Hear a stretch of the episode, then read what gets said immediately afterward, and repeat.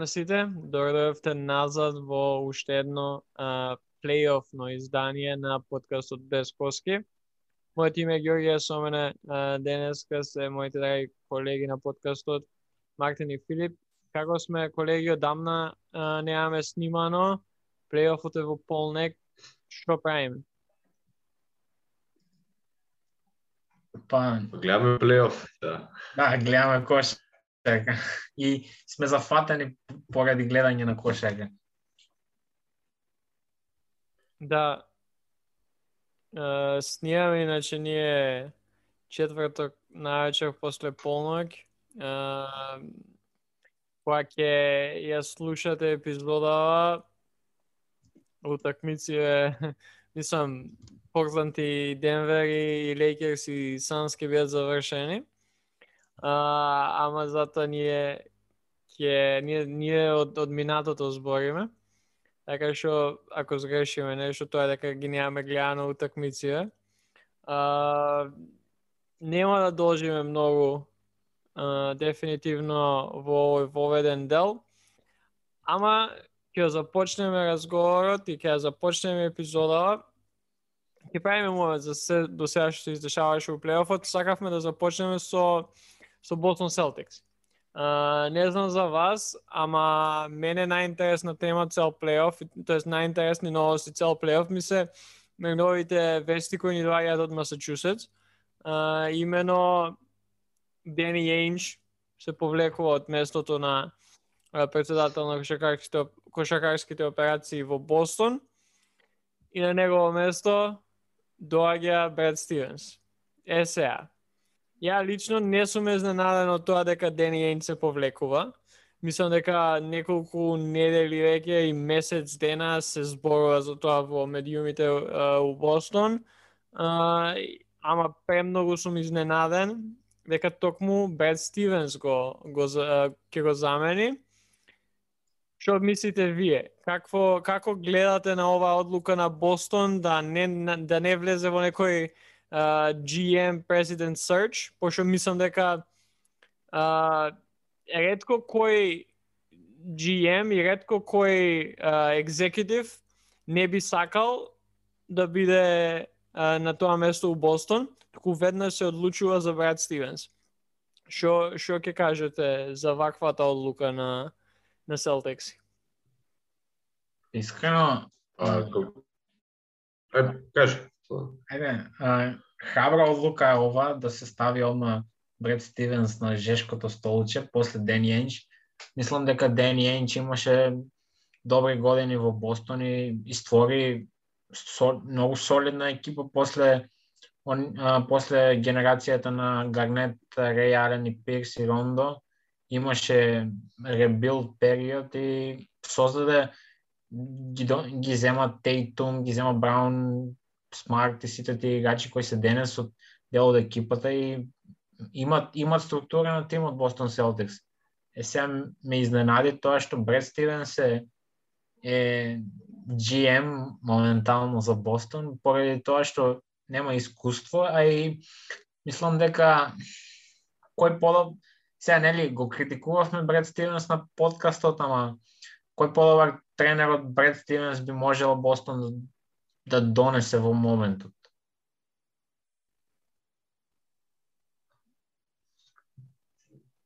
Да, јас се согласувам и би додал еве, ако очекувавме за Дени Јейнч, нели спомнавме неколку пати дека и за Бред Стивенс дека гледаме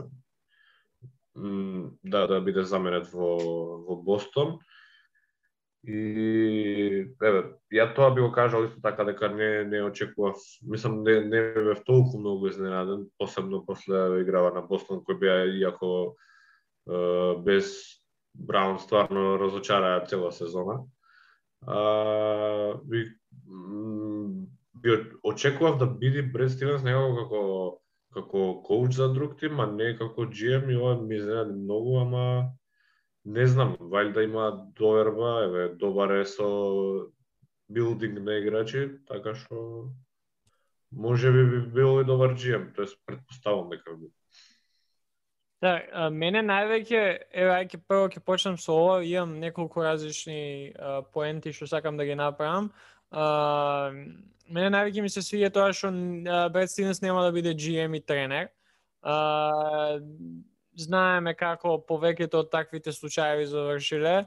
Не знам, имавме Стен Ван Ганди, го имавме Док Риверс, Рик Питино, за оние кои што може да се постари кога Бостон тоа го проба на почетокот на овој век. И ретко која која успева, као не знам успеа кога си бил Беличек и New England Patriots као тогаш успеа го имаш Том Брейди а, у, у МБА не ми текнува за некој онака подобар пример као Грег Попович, ама Грег Попович секојаш си го имал Арси Бјуфорд со него. Као Арси Бјуфорд е еден од главните луѓе у, у, у Спарси. А, така што од, од таа страна ми се сига дека Бет Стивенс нема да има двојна работа, као нема да мора да се мисли за из што ќе прави на терен и што ќе прави со целата организација. И малце а, добро, од ова што имав можност да го гледам и да, да прочитам и да ослушнам во последните ден-два за самата одлука на Бред Стивенс да се полече и да земе одмор од, од тренерската работа, е тоа дека човекот е изморен, поготово со со баболот, нели сезоната новата требаше да почне во јануари, па почна еден ден порано, не еден ден, една еден месец порано, и плюс сите случувања со заменувањето на Кајри, Бостон е токсичен реално у последниве неколку сезони. И мислам дека од луката која гледам, ако видиме таа страна е, не е толку не знам, не, не, не треба да ни изненади толку. Да, да, буквално. А, ама дефинитивно као кој би очекувал, бидејќи кој што кажав во самиот вовет, а, да бидеш председател на кошакарски операции во во Бостон Селтикс е една од најпрестижните функции кои што можете да ги имаш у НБА лигата. Сепак се втора нај нај трофеја на трофејна франшиза кој не би сакал да, да, да, да бие главен таму и да проба да, да ги врати на, на стазите на, на, на, на, на успехот, кај што Тоа тоа ме тоа ми е као оно интересен дел, ама валја од Бостон сакаат континуитет и што поеќе од од некој кој те има трениран 8 години. Е сега, дали тоа ќе се преслика uh, од тренер добар GM? Ќе видиме. Мислам дека може малце искуство има од, од колеч, иако секако е многу поразлична работа да бидеш тренер у у Батлер и GM и председател на шакарски операции у Бостон. Ама ќе биде интересно да се види како се тоа ќе функционира. И мислам дека ова последно што сакав да спомнам, пред да навлезем во малку за поголема дискусија, време беше на Бостон да направи промена. А, сметам дека Дени Енче беше еден од, еден од подобрите GM-ови во лигата, иако последните еве две, две до три години немаш од од кога го од кога трейдуваше за Кайри Ирвинг, се низбрдо им иде на на Бостон.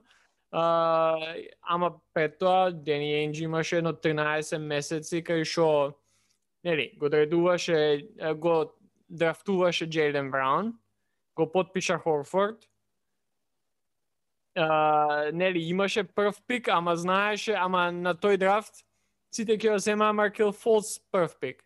Затоа трейдуваше назад. Ретко кој GM тоа би го направил, го зема Тейтум кој што без најдобар играч на драфт. Да, без дискусија најдобар играч на драфтот, го подпиша Гордон Хейвард, трейдуваше за Кайри и после првата утакмица Гордон Хейвард се повредува, се иде низбрдо, и, и еве, може сега ги опаметиме Дейни Ејнч као лош GM. А уствари уопште не е така. 18 Епа, години. Па, се... тоа ми е Извини што те прекинувам, ама тоа ми е проблемот како јас сметам дека Ден Јенч вршеше одлична работа во Бостон Селтикс и не мислам дека он беше проблемот во Бостон мислам, не верувам дека на Бостон му требаше промена во GM-от. Мислам дека требаше да се случат промени на други позиции, а не на GM позицијата. Бидејќи Дени Енч стварно секоја година на Бред Стивенс му даваше компет, компет, компетивна компетитивна екипа за да се бори за титула секоја година. Им трейдот за Кайри Ирвинг му беше маестрален трейд каде што го даде Айзеа Томас за Кайри Ирвинг. И мислам не може не може да му се земат многу работи за зло на Дени Енч, поради мислам маестралната работа што ја заврши.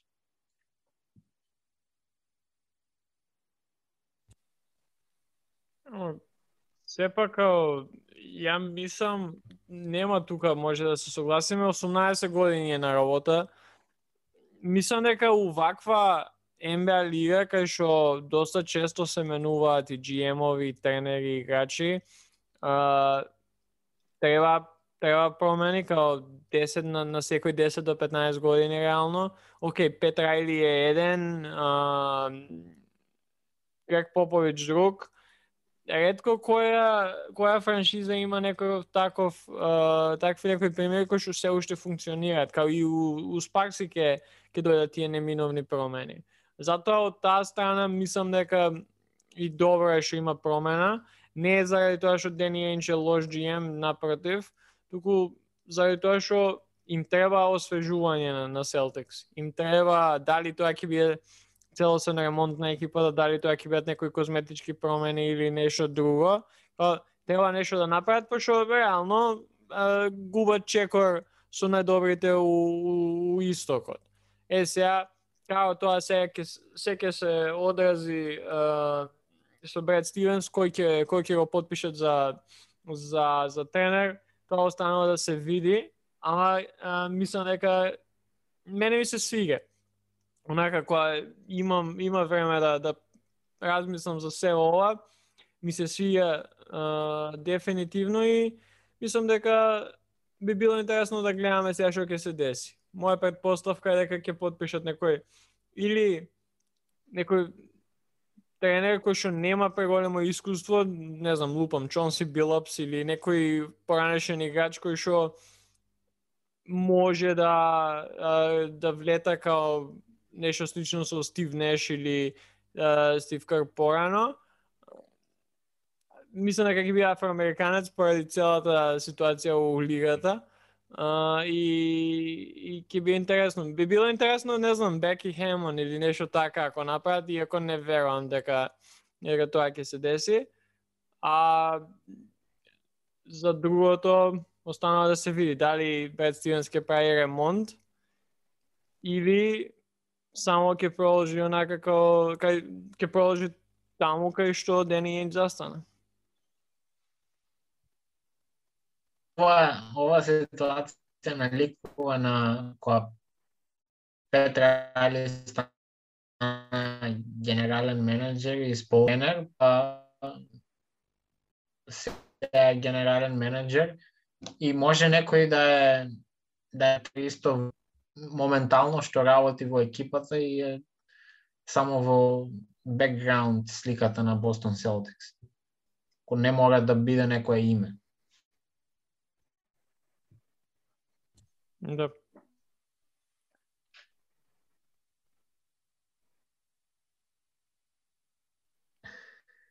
Дали ти се свиѓа барем овој потек?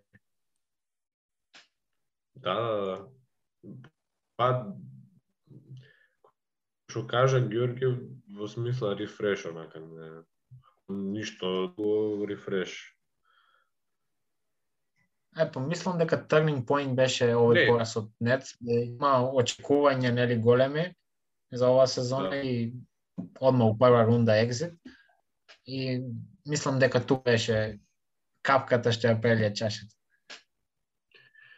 Да, го спомна на кој Ѓорџи и ти, а, извини. А, едноставно, стварно многу добри тредови и многу добро постапуваше како GM, ама еве мора мора да се смени. Како ти се што доаде баш баш ја прелија чашата така што Ајде нов, нов почеток да видиме што може да донесе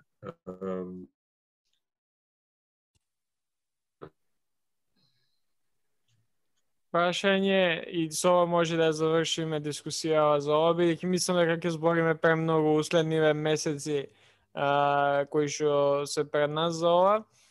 Кај ги гледаме од сега уследни за три години, кај ги гледаме Бред Стивенс, дали се уште ќе биде GM на на Celtics и кај го гледаме Дени Енџ и кај ги гледаме Бостон Celtics.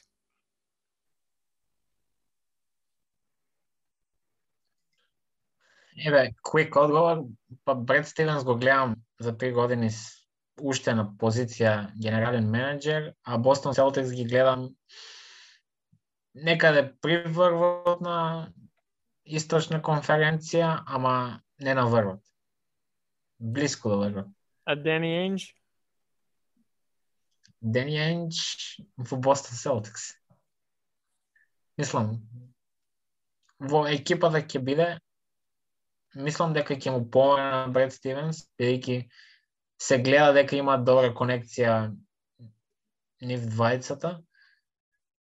И мислам дека ќе биде десна рака на Бред Стивенс. Филип? Па, искрено, очекувам да биде добар генерал менеджер Стивенс. А за Бостон би рекол може би не знам да, да ако ако се задржат овие играчи, некој добар трейд да има а, пак некаде да у често седмо место, барам во наредните 2-3 години тука очекувам барем не некако се како што кажувам се обратно испаѓа така што Па, Тейтум го имаат загарантирано во наредни пет години. Знаеш, некако во плейоф, плейоф екипа ќе бидат сигурни. Да. Да. Ја, ај Дени Енջ го очекувам да биде советник некаде, као не знам, као Джери Вест у некоја од екипиве. Не мислам дека ќе биде у Бостон. Не знам, Јута Джез може би. Бред Стивенс уште го гледам као GM и председател на кошаркарски операции. Може тоа може и да се врати као тренер, тоа би било интересно да направи Пет Райли. Uh, Мартин ти што спомна да биде новиот Пет Райли. И uh, Бостон, Бостон ги гледам у поразличен состав, мислам дека Бред Стивенс ќе направи малце за шейкап, Маркус Смарт не не очекувам дека ќе остане дел од од Селтикси. Мислам дека ќе направат трейдови, ќе земат добри интересни играчи од драфтот и може би да бидат и на врвот на на источната конференција. Сега дали очекувам неци да останат така како што се сеа, Не баш, мислам дека таму ќе има промени as така што тука се тука тука ја гледам шансата на Бостон. Сеако, многу работи може да се десат у три години, па ќе видиме ако ако го снимам уште подкастов може да се вратиме три години уназад и да видиме што се десило, што сме кажале. А, ама добро. Ајде да преминеме со она што моментално највеќе сите ги интересира. Плейоф, Ја предлагам прво да обминеме западот, пошто ќе се согласиме сите, доста поинтересен е од, од истокот и утекот на регуларната сезона и утекот на на плейофот. Кој што кажав на самиот почеток, може би веќе и, и работите кои што сега ќе ги спомне тотално целосно ќе промашиме или Јеви га, као го снимаме ова пред почетокот на, на Портланд и Денвер и на, на Феникс и LA. Така што не замерувајте тука.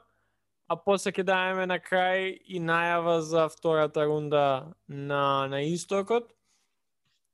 Uh, ај вака да почнеме. Мене е една... Највеќе сум изненал. или ајде, ајде прво, окей, да спомнеме, Јута е Јута е у втора рунда, 4-1, лесен а, а, лесен противник има, изгубија прва утакмица која не играше Мичел. Се после тоа беше едноставно лесен мечап, лесен меч, мечап за Јута. А и вака да почнеме со со една утакмицата која тоа серијата која што мене највеќе ме ме изненади, а, што гледајќи според нели пред почетокот на самиот плейоф, ама и сега моментално денес еве Денвер и Портланд. Како како е можно Портланд да биде даун 3-2?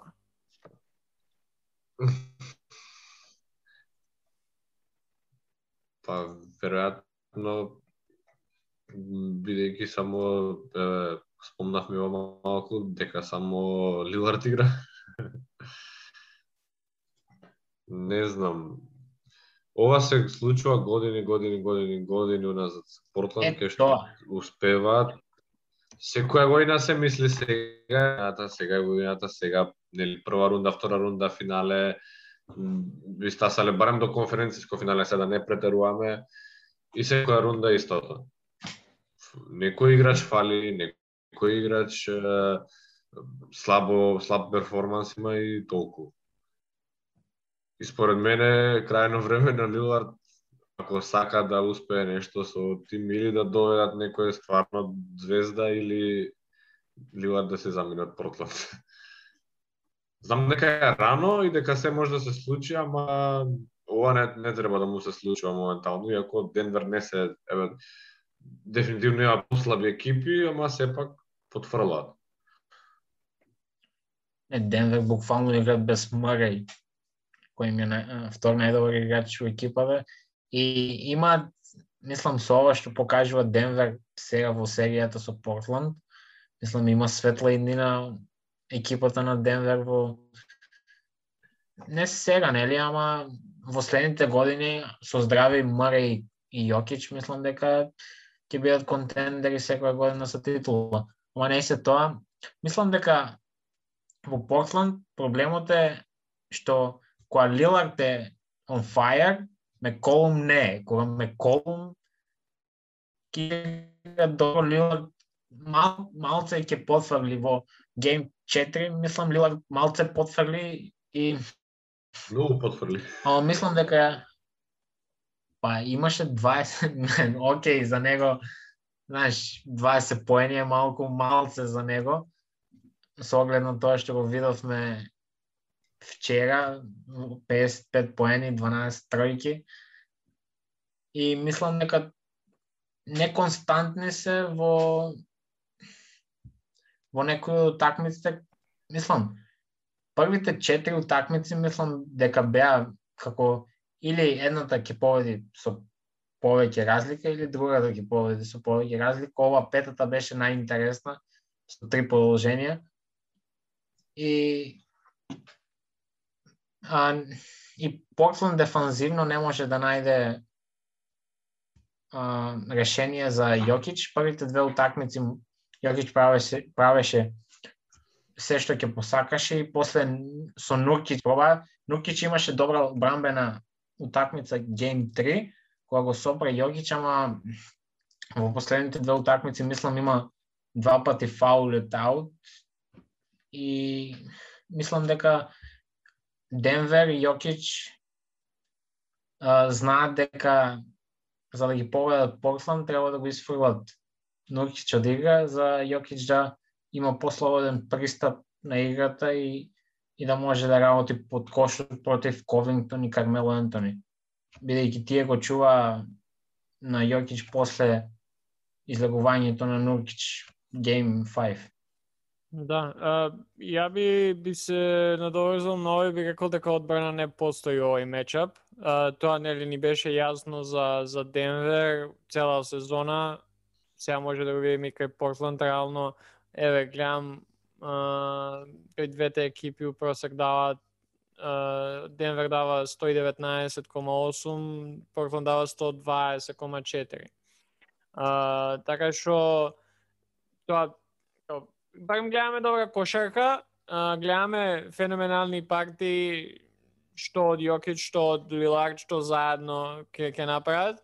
Кај кај Денвер јас сакав само да да, да додадам дека се има некој као колку и да мислим, окей, да, Маре фали премногу, као да беше реално Маре, а, мислам дека серијата може до сега ќе беше и готова.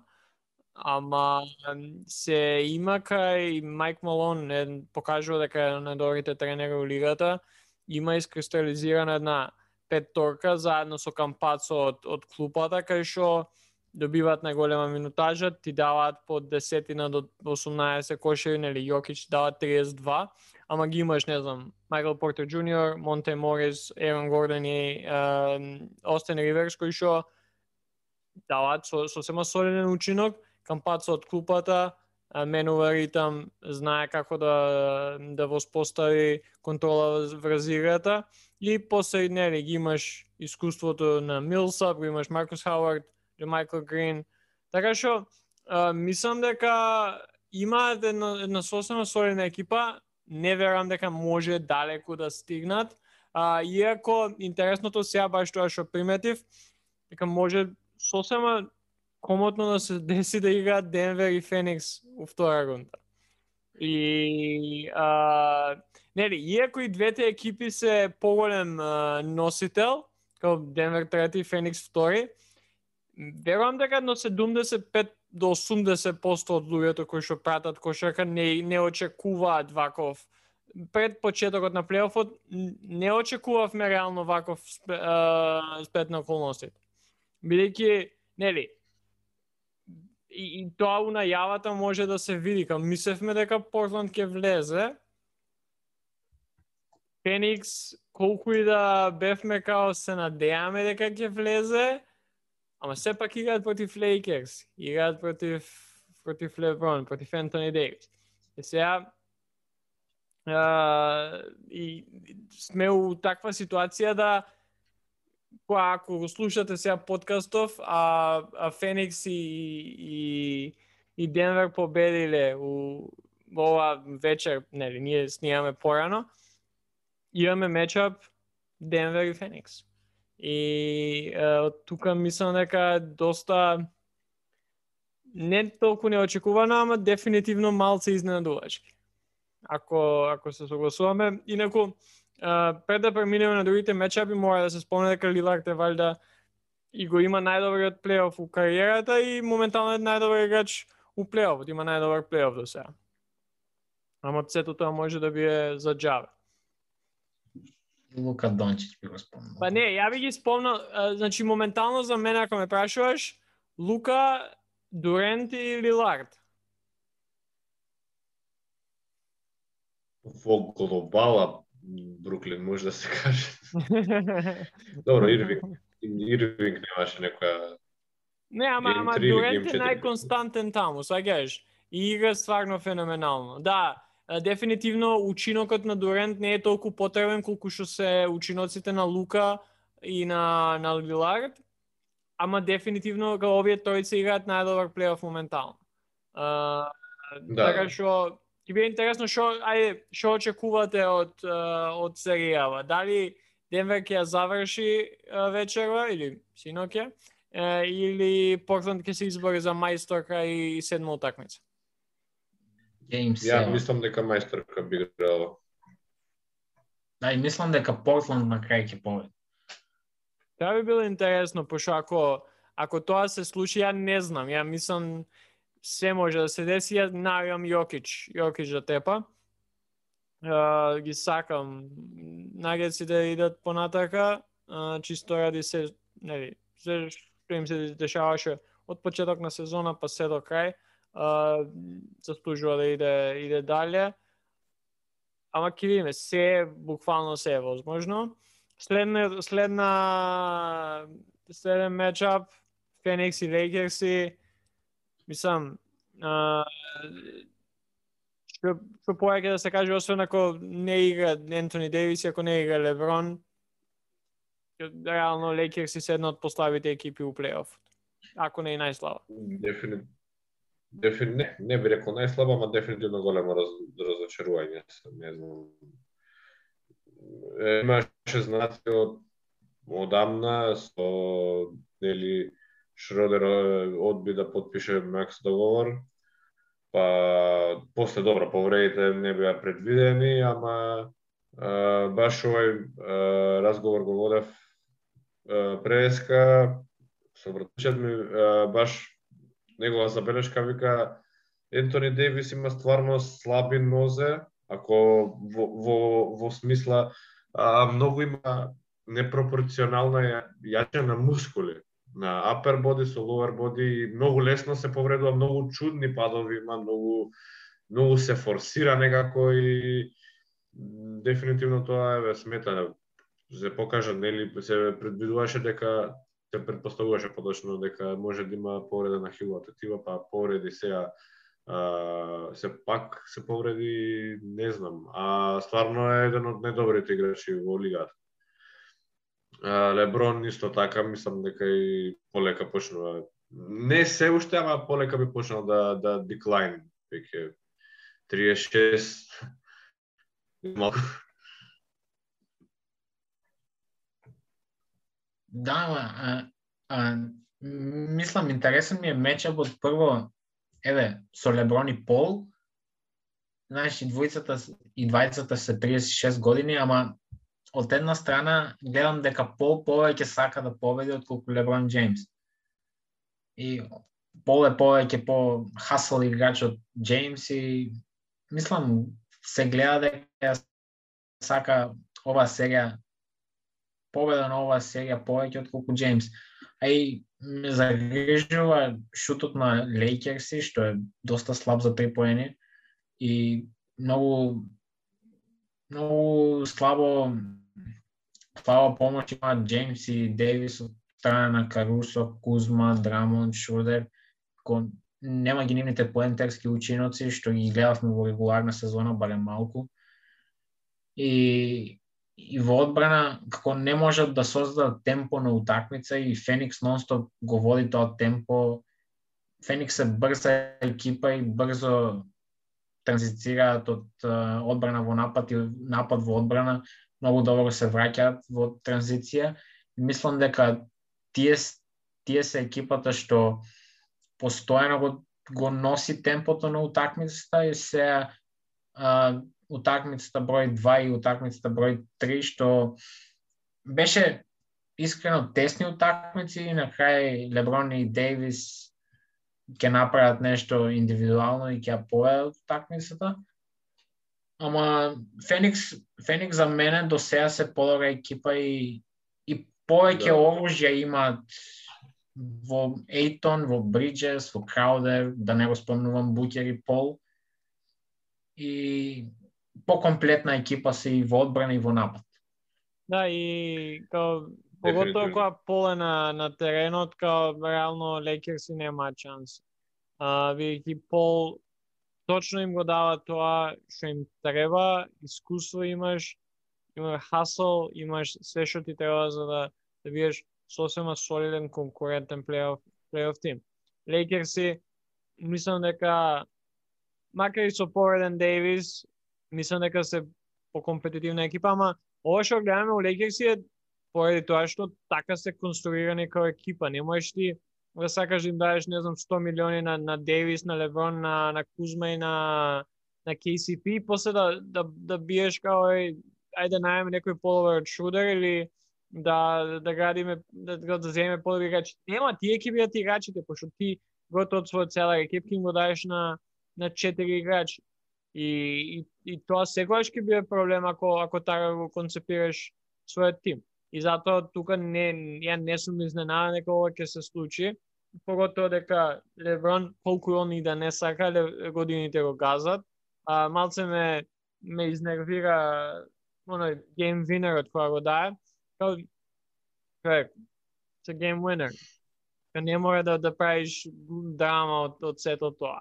Затоа и нели кога го напушти, ја напушти последната такмица со 5 минути уште да се игра. Dude, you gotta stay. Ка мора да останеш, ако, ако веќе се, се правиш па, важен и, и се тоа кога, кога победуваш, мора да и претрпиш и порази. А, иако не ми смета тоа реално, мислам дека медиумите секогаш прават поголема фама од колку што треба да биде, ама мене ми се свига ова што се дешава. ако ова проложи вака и Феникс се победи, ова би бил прв пораз на Леброну у прва рунда, целата негова кариера. Uh, не мислам дека он е главен виновник за се ова, ама дефинитивно не мислам дека немал удел у создавањето на тимот, што ја го гледам како главна последица а, и причина зошто ова се случува. Така што uh, I like it. Е сега, интересно ќе бие Феникс против и, и двете и против uh, и против Портланд. Мислам дека ќе гледаме предобра кошарка, како и да е. Па и Лейкерси да некако да успеат да се протнат. Пошто Лейкерси не се тоа што се очигледно од лани и мислам дека било кој мечап у втора рунда има е, буквално двете екипи би имале подеднаква шанса за влез у конференциско финал. Леки Лейк, останатиот мечап кој ни остана тука се Клиперс и Далас. А ја предвидев дека Лука ќе добие две утакмици, а Клиперс ќе добие серијата. Лука доби три утакмици, иако мислам дека последната не знам, Клиперс и прокоцка преголема шанса на крајот. И го гледав крајот на утакмица, као Клиперси не знам што е со Клиперси последна четвртина изгубени топки, као буквално не може да се состават. А, не знам, ја малце сум изненаден. Ама окей, не е толку изненадувачки бидејќи сите мислевме дека сепак иде у 6 па и у 7 утакмици. Што очекуваме, тоест ваше некој кратко видување и што очекуваме од од Клиперс и Далас а, и крајот на серијата таму? Па очекувам Game 7, ама се надевам и мислам дека би продолжиле понатаму Далас, бидејќи стварно добро играат и еве ако минатата сезона не успеа да ги победи Дончич, оваа сезона заслужува да ги победи Клиперс. Исто би го кажа ова, го кажувам може цел подкаст, дефинитивно, ако сега до сега не беше јасно, дефинитивно треба Порзингис да биде трейднат, катнат, било што не заслужува пари, не заслужува толку никак буквално минимален импакт има на на на серијата и не знам, не, многу сум разочаран од неговата игра. И јас искрено мислам дека серијата ќе оди у Game 7, ама за разлика од Филип, јас верувам дека Клиперс ќе поминат. И не би се сложил дека Далас играат подобра кошарка од Клиперс. Мислам дека Клиперс играат од тоа што видов во овие утакмици, мислам повеќе ми се допаѓаат Клиперси отколку Далас. Нивната игра, иако нели по, поради тоа што сме од Балканот, симпатиите одат кон Далас поради Дончич. И ама се на се ми се допаѓаат Клиперс како играат, сега имаат имаат лоши четвртини, имаат изгубени топки, имаат несвојствени за них, за нив некои плейс и, и шутеви и се тоа. А, мислам дека ќе најдат нешто да ја излечат серијава и мислам дека ако победат оваа серија, мислам дека полесно ќе им се одвива понатаму во плейофот, бидејќи ќе има таа една победена серија. Ако да, се случи не. И плюс, кога, кога се ракаш од дефицит, мислам, дојуваш као ветер во следна серија. А, реално не би бил против и Далас да влезе, ама тука сум на страната на Мартин, кај што се уште мислам дека Клиперс имаат добра шанса да да направат пресок, да се вратат и да да добијат гейм гейм 7. Интересно е тоа дека моментално ниту една од екипиве нема добиено домашна утакмица. Ќе видиме Далас дали ќе биде првата тоа што ќе направи. Сите врекови. Ова единствено се има десено у финалето World Series у бейсбол 2019 кај што буквално у 7 утакмици ниту една екипа не доби домашна утакмица. Um, така што ќе биде интересно дали тоа стварно ќе се случи. Um, ја сепак мислам Клиперс да влезат. Тука се согласувам пак со Мартин. Uh, да, Лука игра најдобар плейоф. Uh, дефинитивно. Као, троши многу топки. Мислам дека предходната Game 5 имаше 37 шутери. Ама затоа погодува, затоа разигрува, затоа е, е, е, е, игра предобра кошарка. А, останатиот дел од екипата not so much. Uh, Филип ти спомна Порзингис, ја би спомнал, well, не би спомнал онака поединечно имиња, ама мислам дека се заедно ако се земе, Клиперс имат далеку подобра екипа, а, ама го нема факторот Лука. Uh, така што не сум изненадан дека ова се случува, за за екипа. ама ќе видиме, ќе мора плейоф, плейоф, не, пандемик пи или да, плейоф пи да да да направи нешто повеќе пошто стварно прекарот игра како прекарот. Иако нема лош плейоф, Да. ама едноставно Не, крајот. добра серија има. Да, ама на Нема лоша серија, ама многу изгубени топки на крај. тоа е проблемот. Некој спирит им се им велел во екипата, некој лош спирит Bad bad и не spirit. можат да излезат од него. Инаку, ко- кога сме ке Далас, искрено, од кој друг играч се очекува да има многу високи поени, значи, многу, многу поени. Еве, Тим Хардава има 17 просек, што евентуално може некој поен над, ама тоа е мислам доволно добро од негова страна. Порзинги стварно 14 има поени.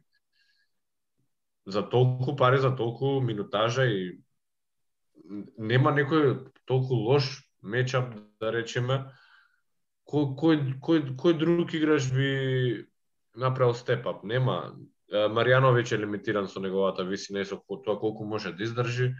Макси Клебер е веројатно четврта, може би петта опција во напад.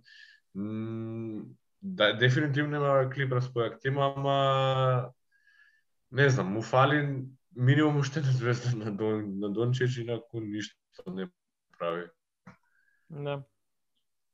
Не, право си тука, мислам дека Далас моментално влечат максимум од екипата. Да, и ако, ако на пример, ако Далас. И ако Далас влезе понатака, ја мислам дека ја би ја земал Јута у пет или шест утакмици за конференциско финале. Кој каже дека Јута ќе влезе во конференција финале? тука се тука Мартин ти, ти предвиде. Океј, ајде да, да превршиме. А, исток. А, мислам дека океј, не е разочарување бидејќи тоа се очекуваше, ама дефинитивно ако еве може да кажеме разочарување серијата на Никс и Атланта. Да, беше интересно да се гледа, а, ама повеќето утакмици завршија у блоаут. Така што Трей Јанг покаже кој е главен у Нью Йорк. А, да не не се лутат навивачи на Никс, ама така е. а, метла, метла Мајами и Милвоки. Не знам Мартин дали се дали се осеќа добро како е. А, Бруклин дозволи еден пораз у такмица кај што Тейтум а, полуде да е 50 коша. И поради повредата на Ембит, Вашингтон успеа и они еден, една победа. А, така што реално немаше многу да се збори, а, како очекувано, доста, ја очекував исто победа на Атланта, не очекував толку убедлива, се надевав на по поинтересни дуели, барем на Game 6 или Game 7, ама еве, што е тука е, Ни две серии се пред нас. А, петок вечер мислам дека да, првата утакмица Бруклин и Милвоки, после тоа од 11 у сабота, ако не се лажам, играат Атланта и Фила. Што шо очекуваме од овие два од овие две серии у втората рунда на на истокот. Еве, може Фила и Атланта, па да завршиме со може би подобрет, подобрата серија на Бруклин и Милвоки. Искрено Филаделфија види првата такмица гледа со Вашингтон и Вашингтон добро се држеше, ама после по, понатаму во во утакмицата се покажа стварно вистина колку се јаки Филаделфија и од, од прилика очекувано помина ова а, серија. Од друга страна, не со Атланта, Атланта е би додал што кажат и ево очекува да победа, не до толку е убедливо и само да додам колку е да Додевен Истоков, буквално по една утакмица успеа да добијат во четири послаби екипи. Е послаби ги викам тие што се елиминирани. А, Филаделфија со Атланта, мислам дека Атланта еве две би победиле утакмици, значи 4-2 за Филаделфија да биде.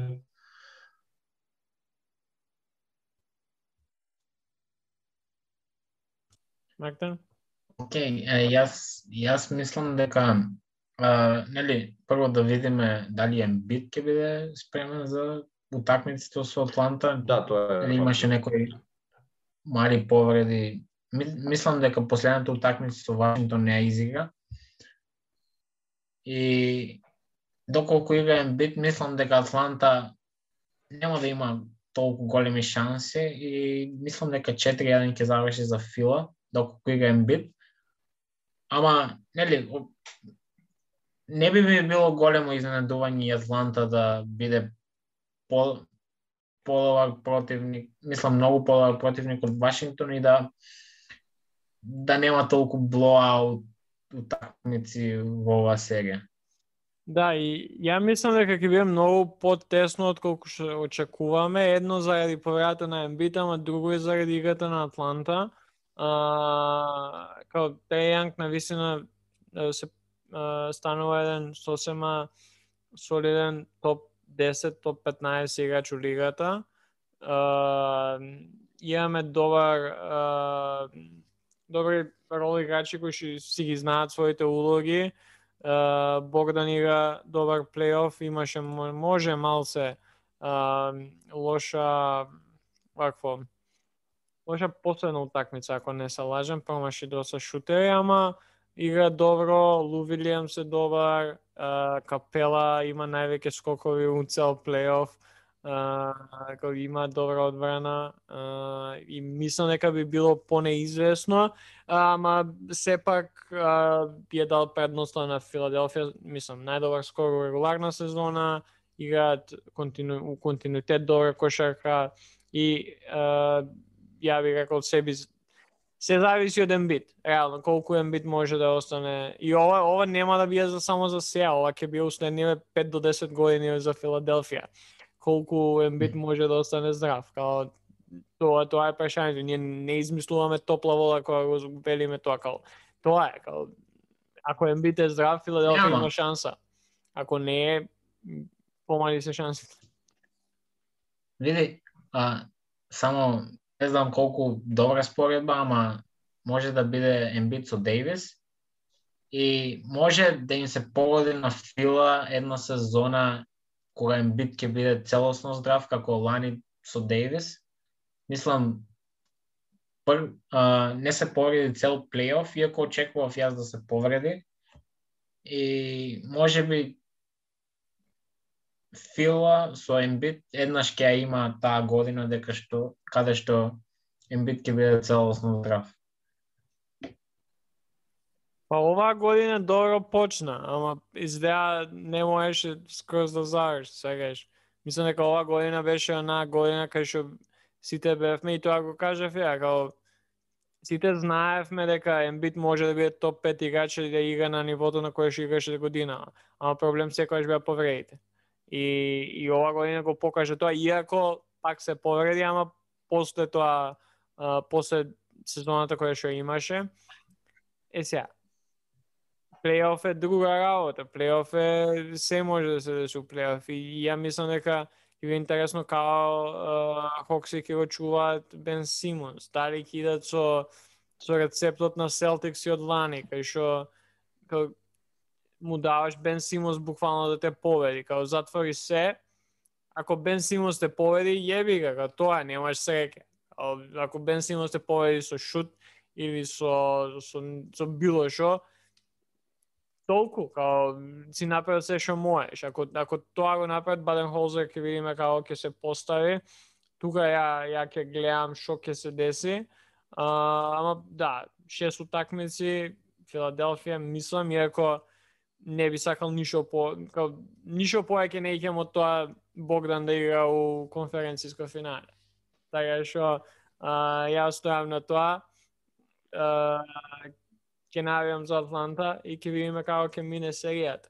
На, на другата страна, Бруклин и Милвоки, ја очекувам предобра серија, реално.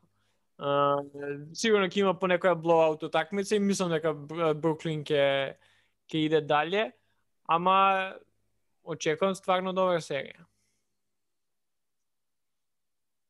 Па, еве, 6-7 утакмици да речеме, Бруклин да победи интересен мечап имале. Ама дефинитивно мислам дека за сега немаме видел некој одговор за нападов на, на Бруклин. Не, јас мислам дека ова серија ќе биде доста интересна и мислам дека ќе биде финале пред финале на Да, да, да, тоа сакам да одговорам за. И мислам дека Јанис ќе има страшна серија поради одбраната на Нец. И мислам дека Нец ќе поминат во 7, ама би требало да има доста добри утакмици. И очекувам да. Јанис да биде најдобар играч у серија. Тука ќе видиме Јанис или Дурант, ама сега убаво убаво кажа ти финале пред финале бидејќи иако можеби да. Филаделфија имаше најдобра сезона, Иако може би Филаделфија е втора најдобра екипа на, на истокот после Бруклин, мислам дека matchup wise никој не може толку добро да да, да им се спротистави на Нетс, освен Милвоки. Кога имаш Јанис, им, имаш Мидлтон, Джру Холидей, PJ Такер може да затвори премногу позиции, Боби Портес, Као, Брайан Форбс. Буквално као можеш на секој као не знам, ќе оставиш Холидей на на Харден, Форбс уште некој као Мидлтон тука би би ги чувале тие Харден, Ирвинг, Джо Херис, го имаш Јанис и КД И ти веднаш имаш шансата да им се спротиставиш. Така што баш е штета што овие две екипи не можат да се сретнат у самото NBA финал.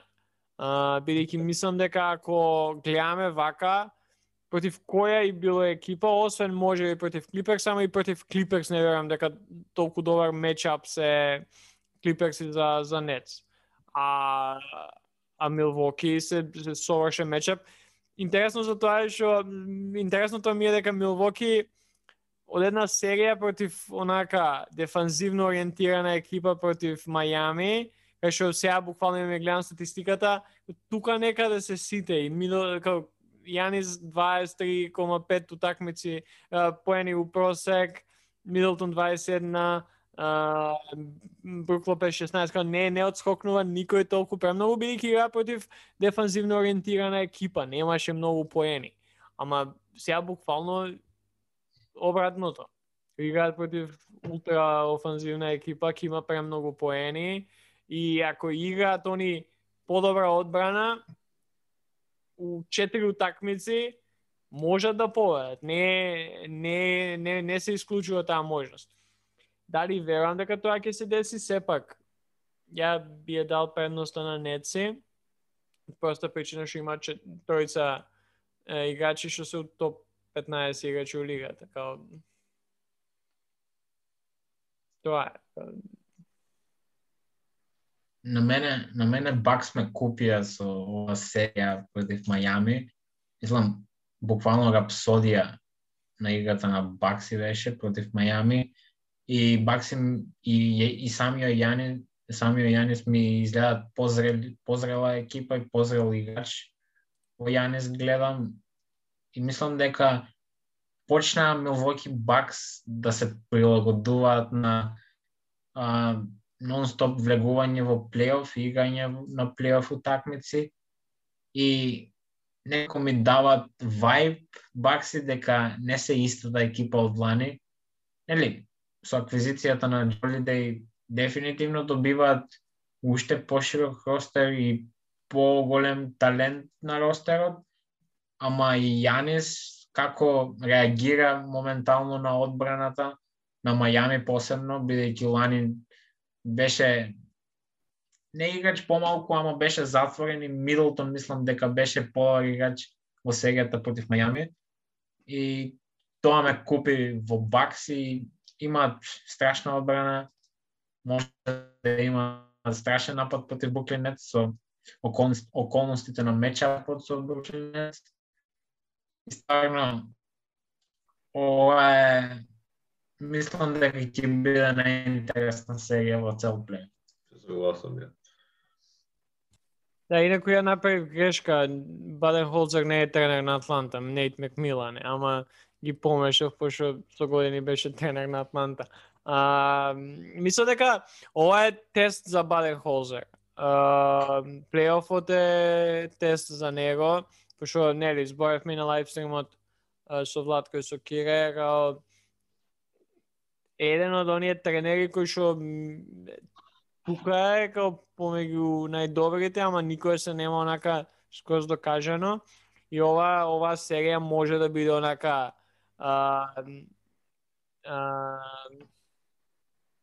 како се вика, буквално магистерска му е на, на Баден Холзер, ќе видиме дали ќе положи. А, иако и да не положи, никој не верувам дека ќе му ќе му го земе за а, за здој за, за толку голем неуспех, бидејќи против нив игра една еден джагернат у видот на на Нетси, ама тоа ќе се гледа, ќе бие дефинитивно предобар мечап и ќе се гледаат сите утакмици се must, must watch television. А, така што биче биче интересантно. Добро, мислам може уште да збориме, има премногу работи кои што се издешава, кои што не можевме да ги покриеме, ама мислам дека ова е сосема доволно. Уседниве неколку денови, недели, се надеваме дека ќе бидеме и ние поажурни малце така што ќе видиме како ќе идат серииве, некои завршни зборови а, за еве до сегашниот тек нешто што не покриевме и, и некои еве последни предвидувања пред да се одјавиме од епизода. Не, завршни зборови ќе бидат од мене дека ќе гледаме кошарка и може да очекувате наредна епизода во наредните 3-4 дена, мислам дека може да направиме уште една епизода како ова ми изгледаше доста малку за сето она што се случи во плейоф и затоа no. очекувајте не повторно. И гледа кошарка. No. На Филипу се спи. имам испит на мие, имам домашни така. Да, па не, Морам. испит на сега и кај Морам ми се спие. И ја имам едно 300 работи за запишување и средување, така што тоа е најголемата причина зашто сме нема не сме толку активни, плюс мислам дека првата рунда од плейофот нема да кажам дека е преголемо разочарување, ама пак освен а, феноменални да. индивидуални перформанси на не знам на Лука, на на Тейтум, на Лилард, на на на Дурент, на останативе не е да кажеш дека имаше премногу јаки утакмици, имаше неколку серији кои што уште траат, тие се. А, ама како ќе плейофот се поинтересно и поинтересно би станувало, освен ако сега не им текне на Бруклин за да не изгубат утакмица до крај, што може да се деси исто така, така што ќе видиме како и шо. Се надеваме дека состојна епизода ќе идеме у понеделник.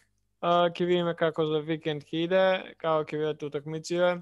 Ако не, сега ќе излезе нешто стена недела. Уво кажа Мартин, гледајте кошарка, Бруклин и Милвоки ќе биде преинтересна серија. А, Богдан ќе видиме до кај ќе стигне у плейофот. А, и Јута и Феникс може да играат и конференциско финале. Као и да работиве, ништо не е исклучено. Така што поздрав, па се слушаме у, у следната епизода.